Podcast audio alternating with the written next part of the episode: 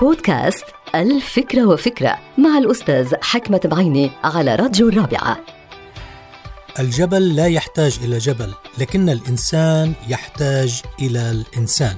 قول جميل يؤكد أهمية التعاون بين الناس ودور هذا التعاون في دعم مسيرة الحياة والمؤازرة بين الناس حيث أن البشر يعيشون على سفينة واحدة ولا بد لهم من التعاون فيما بينهم. التعاون ليس بالسواعد فقط وليس بالإمكانيات المادية والمالية بل بالقلوب والعقول والنوايا الطيبة. فاليد تغسل الأخرى والاثنتان تغسلان الوجه.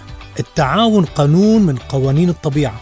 النحلة لا تجني العسل لوحدها. والحائط لا يبنى من حجر واحد. وكل شيء ثقيل يخف وزنه إذا حمله اثنان.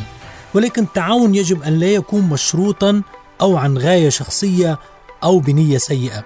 طبيعة التعاون كجزء من قانون الحياة يجب أن تكون نقية وصافية ومبنية على المؤازرة الحقيقية من أجل الإنسان.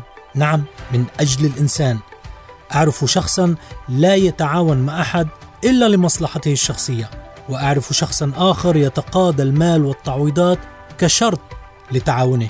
أعرف أفرادا وجماعات وحتى دولا لا تتعاون مع أحد لحل أي مشكلة إلا إذا كانت الحلول لصالحها.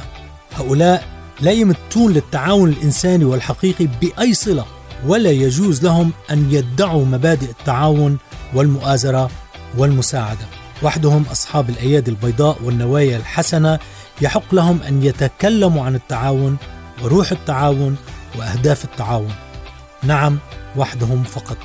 انتهت الفكرة. هذه الحلقة مقتبسة من كتاب الفكرة وفكرة.